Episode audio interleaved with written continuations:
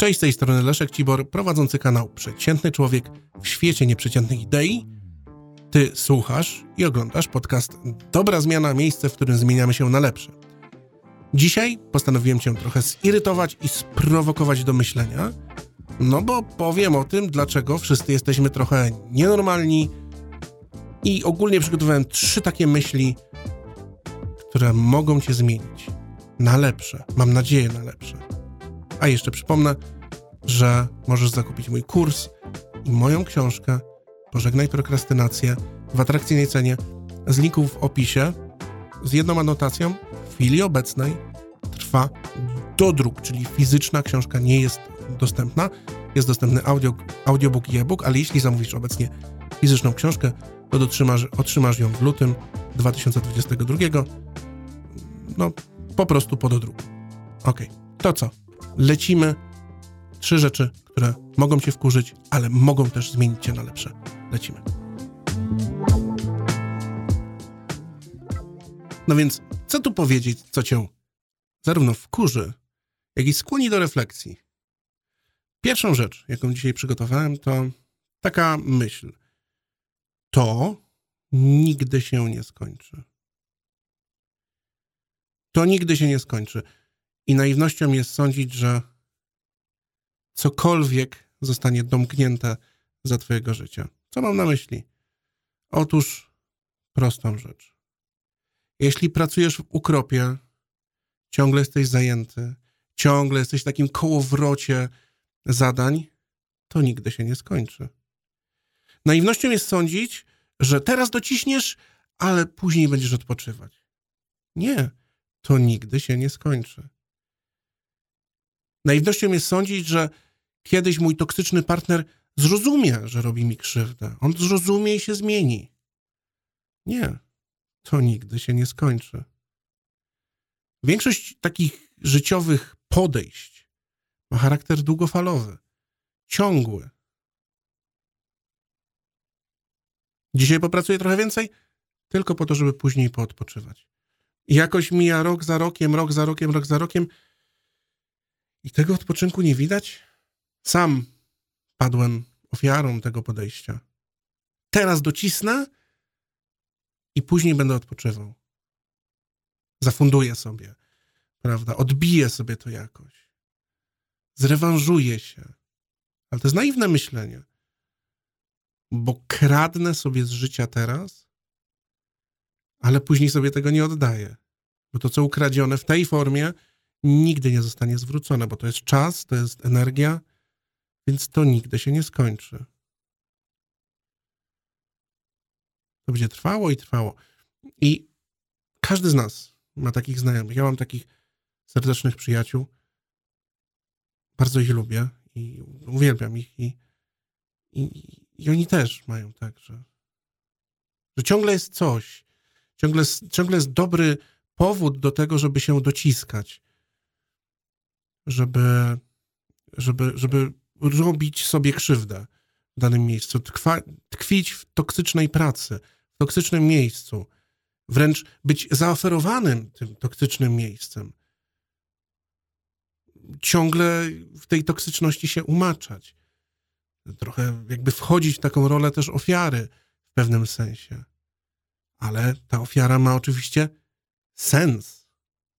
Sens. Ta ofiara ma sens, no bo jest to ofiara na ołtarzu jakichś przyszłych marzeń. No ale one może by nadeszły bez tej ofiary. Może dałoby się to zorganizować w sposób lepszy. Ale jest ten lęk przed porzuceniem, yy, porzuceniem jakby takiego sta, stabilnego trybu życia. Jest chujowo, ale stabilnie. To jest ten lęk taki, że tutaj jest znane zło, a obok jest nieznane nie wiadomo co.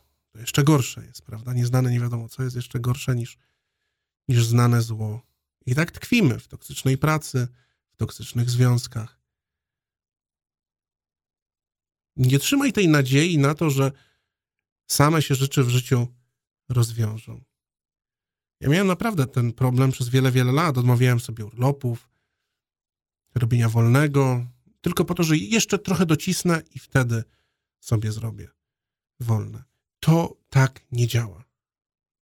to nigdy się nie skończy, dopóki ty nie przerwiesz tego, tego cyklu. W poprzednim podcaście mówiłem właśnie o tym, że my taki sposób sztuczny dekorujemy się y, tą powierzchownością, tą toksyczną w tym kontekście powierzchownością. Czyli jakby mamy toksyczną pracę, ale mimo to chcemy odnosić w niej sukcesy i robimy dwie, nosimy w sobie dwie sprzeczne idee. Z jednej strony jesteśmy inni, chcemy robić coś innego w życiu, mamy inny trochę system wartości, ale dozbrajamy ten jeden i to nigdy się nie skończy, dopóki ty nie przerwiesz tego cyklu. I teraz, no, jak to przerwać? No często, jeszcze o tym będę wspominał, o kryzysie wieku średniego, często to się właśnie gdzieś kończy na kryzysie wieku średniego, czyli takim odcinaniu dosłownie nożyczkami, nożem y, tych, tych, tych kłopotliwych rzeczy, tych rzeczy sztucznych, tej sztucznej powierzchowności, którą obrośliśmy przez lata. Ale to boli. Więc zawsze sposób, w jaki można to odczarować, myśleć o tym inaczej, to jest po pierwsze, no, zdać sobie z tego sprawę, że jestem w takim kołowrocie, takiego naiwnego myślenia, że, że coś się odmieni w którymś momencie. I mamy takie, mm, to jest głupie, ale po ślubie się zmieni. No z reguły się zmienia w trochę inną stronę, ale po ślubie się zmieni. Y, zrozumie, jaką krzywdę mi robi. Y, dam mu jakoś do zrozumienia to, że robi mi krzywdę. Jakby te, te wszystkie takie toksyczne rzeczy są kłopotliwe. No i praca, która, która krzywdzi ludzi. Oczywiście to zawsze jest ten taki społeczno-wewnętrzny dylemat. Ta, ta walka prowadzona w tym, że mamy tutaj naszą życiową pro, prozę życia, czyli no, trzeba zarobić na, na utrzymanie, ale z drugiej strony jakim kosztem? No, kosztem nie tylko naszego czasu, ale właśnie tych wszystkich, naszych energii, naszego dobrego samopoczucia, naszego wypalenia, naszej psychiki, kosztem naszej rodziny. No ta, ta, szereg tych rzeczy tutaj wchodzi w grę.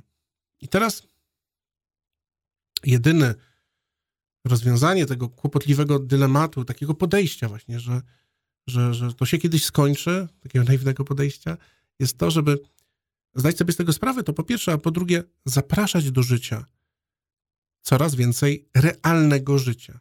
Zapraszać do życia coraz więcej realnego życia. Coraz więcej życia w życiu. No, brzmi trochę jak masło maślane, jak taki truizm, ale no, z czego składa się życie? Jakby my często o tym zapominamy. Z czego składa się ludzkie życie? Czy z pracy? Czy żyjemy po to, żeby pracować i umrzeć?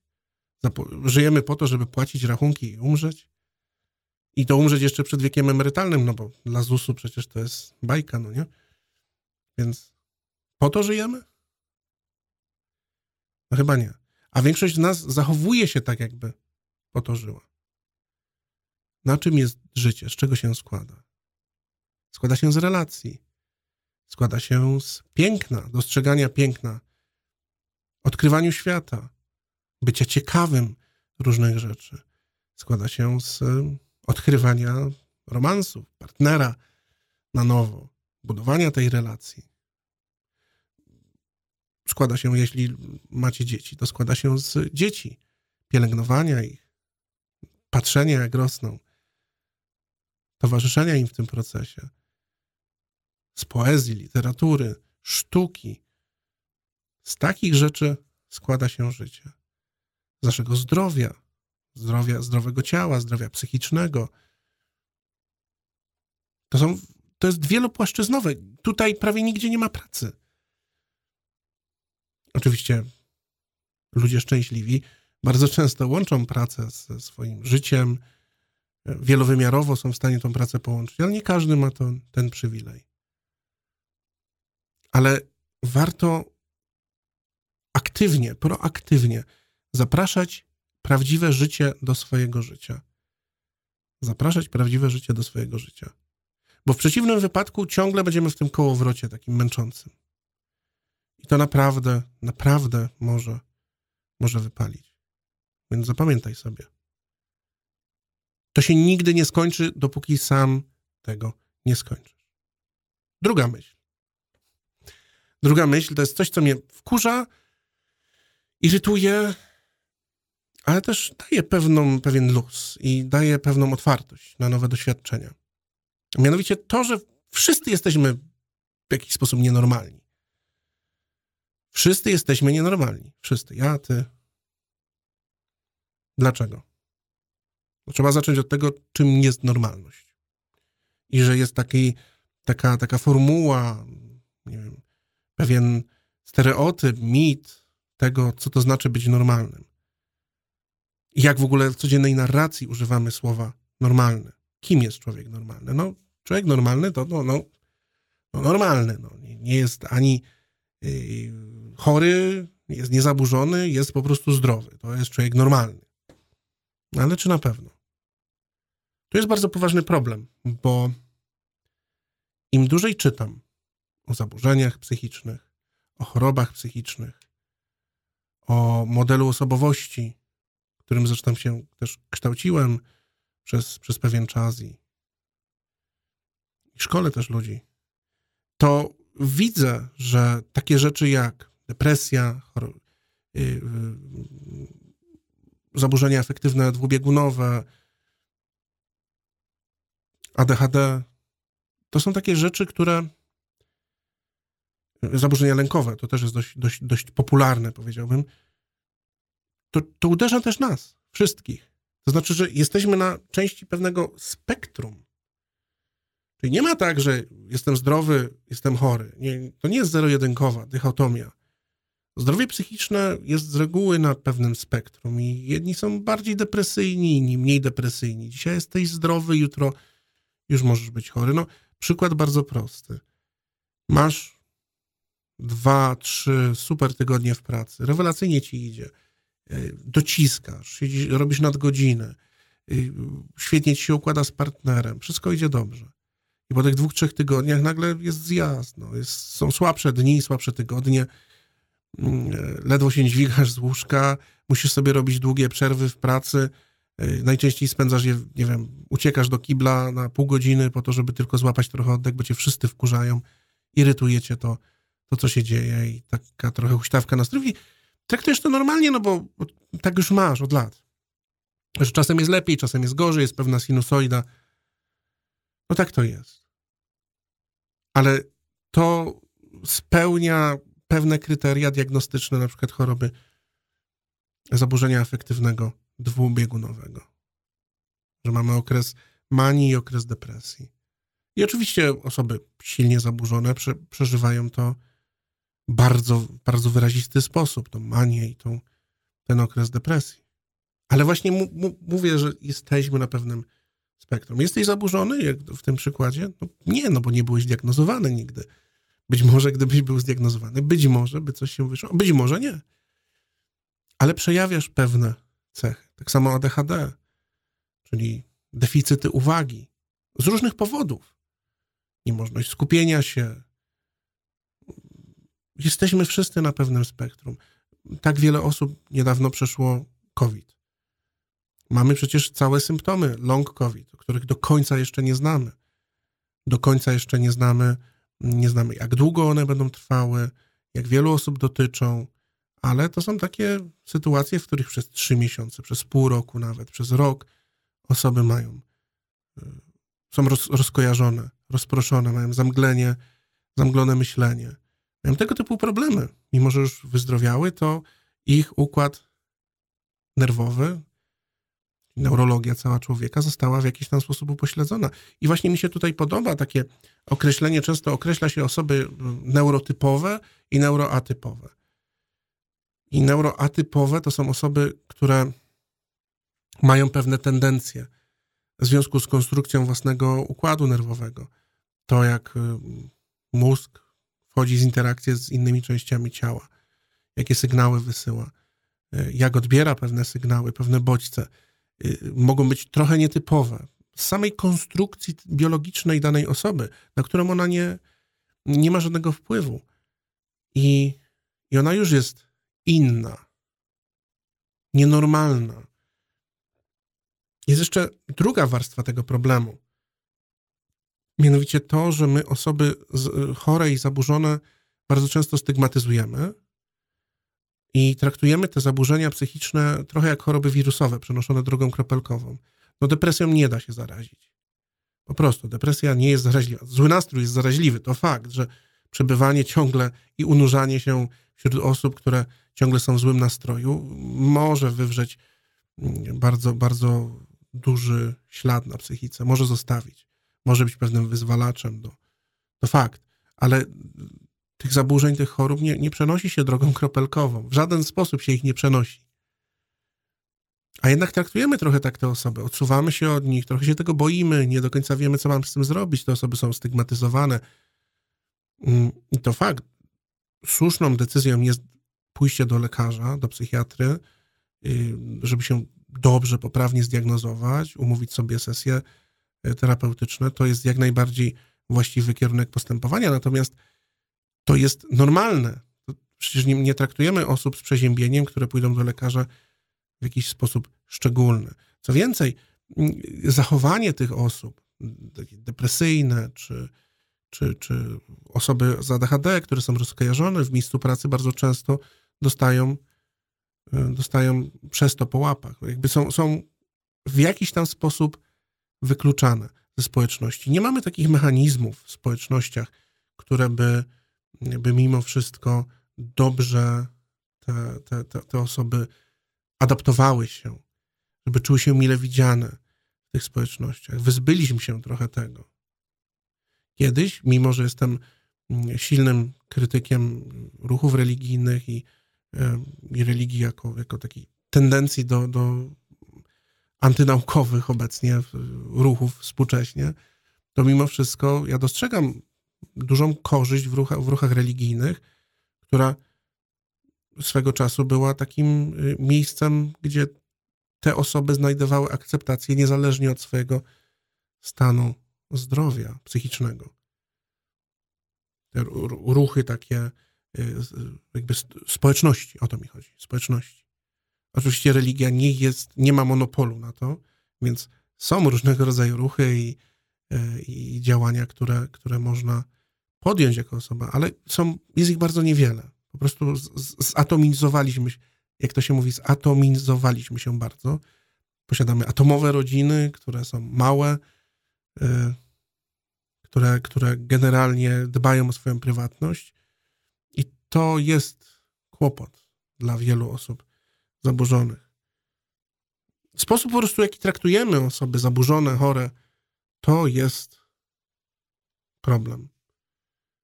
Odtrącenie duchowe, takie odcięcie się od społeczności. Hmm. No, to sprawia, że, że, że ten podział normalny, bardzo nie lubię tego podziału, że ktoś jest normalny, ktoś jest nienormalny. Jak, jak ktoś mi mówi, że, że na przykład w komentarzu, jak czytam na YouTubie, a czasem tak jest, że, że mam takie ludzie, którzy są trochę mają większą ignorancję na temat zdrowia psychicznego. Bardzo często lu lubią taką frazę. Ludzie normalni na pewno tak nie robią. Gdybym był normalny, to bym tak w życiu. Gdy, no, ale, ale czasem też osoby zaburzone w drugą stronę piszą. Właśnie, gdybym był normalny, to by. Ale co to znaczy być normalnym? Co to znaczy być nienormalnym?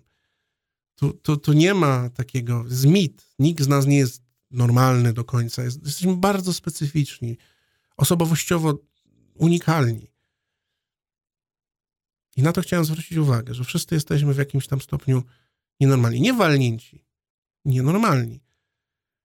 Bo, bo, bo ta norma jest płynna, miękka i akceptujmy po prostu ludzi o innej neurotypowości, neuroatypowe osoby.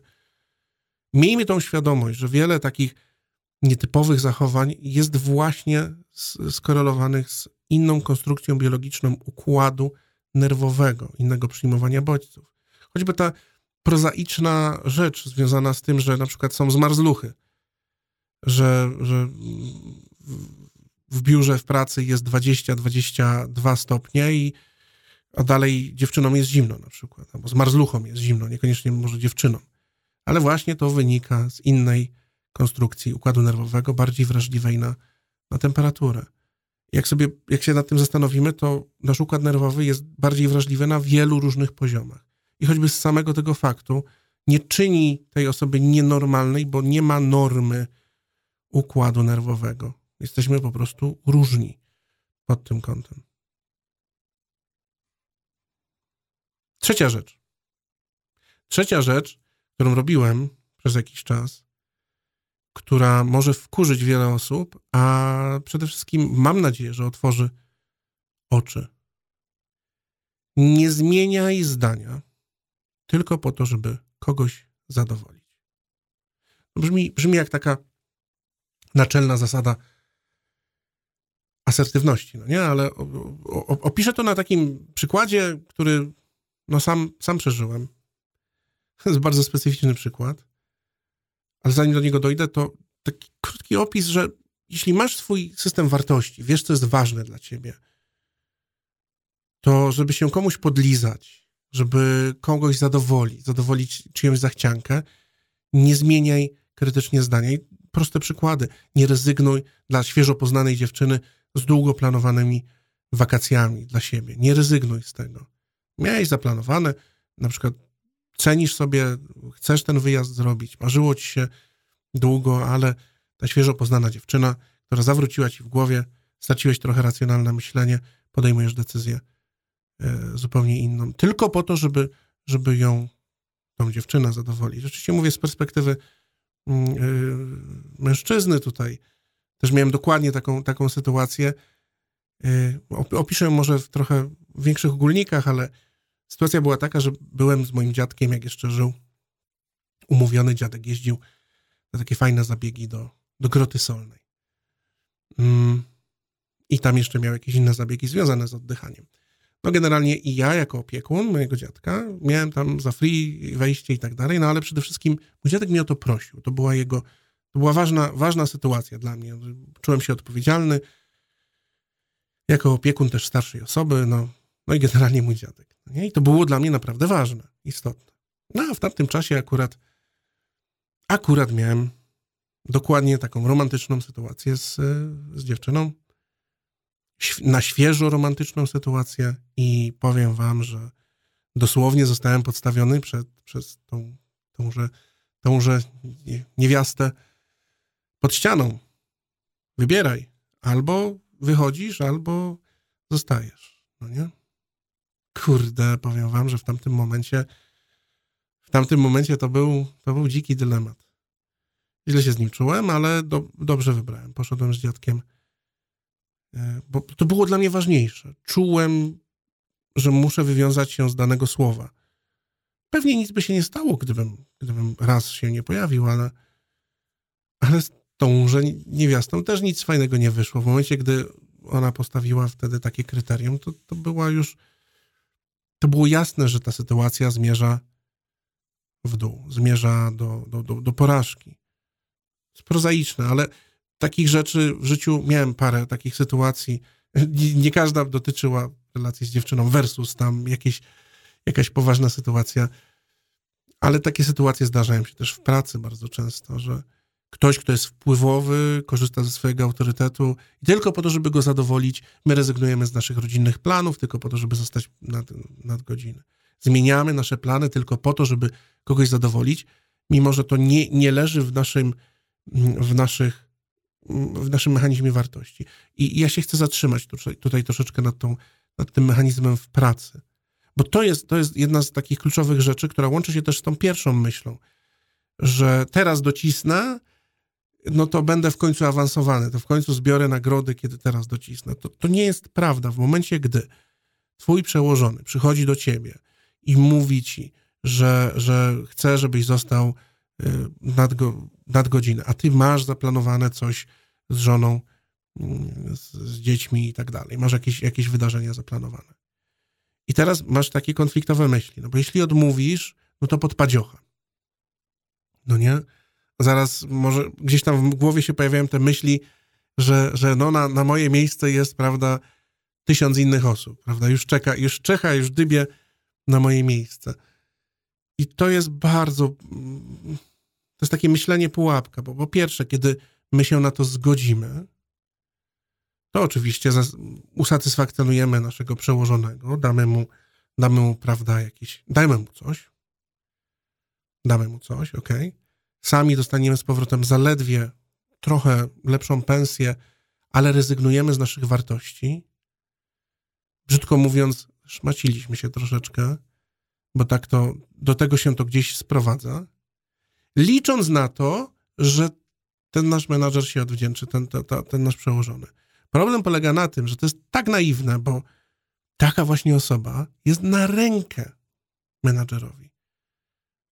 Żeby tylko wykorzystywać tę sytuację, że ty się łatwo zgadzasz na nadgodziny. To jest na rękę. Nigdy nie dostaniesz rekomendacji awansu w takiej sytuacji. No chyba, że masz uczciwego przełożonego, aczkolwiek to jest po prostu wygodna dla niego sytuacja. Ciężko będzie mu zrezygnować z takiej osoby jak ty, bo ty się zgodzisz na więcej niż większość innych, niż większość innych osób.